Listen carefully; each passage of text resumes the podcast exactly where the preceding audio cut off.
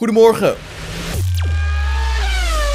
Max Verstappen zal tijdens de Grand Prix in Miami komende zondag met een speciale helm gaan rijden. En daarmee hoopt de Nederlander natuurlijk zijn derde zege van het seizoen te gaan boeken. Tijdens de video zegt hij dat het een speciale helm is voor een speciaal weekend, want het is de eerste keer dat we in Miami racen. En waarom niet een beetje Miami smaak eraan toevoegen? Al dus Max Verstappen.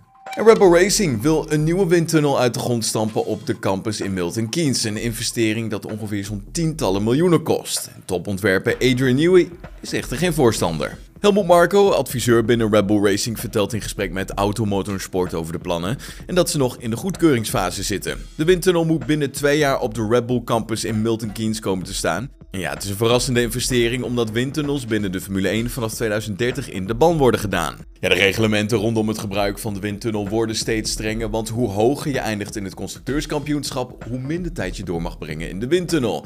En het huidige exemplaar van Rebel Racing heeft echter één groot nadeel.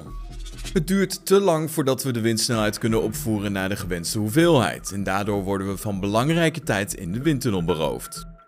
Ondanks de noodzaak is Adrian Newey geen voorstander van het plan, want hij zou liefst namelijk alles beperken tot de CFD-ontwikkeling waar de Formule 1 in 2030 naar overstapt.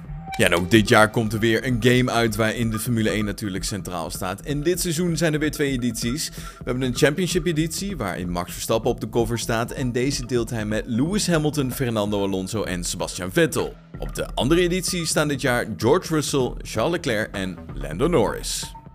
Dat was hem dan het nieuws van vandaag. Heb je genoten van deze aflevering? Laat van je horen op onze Apple Podcast pagina of volg ons op Spotify.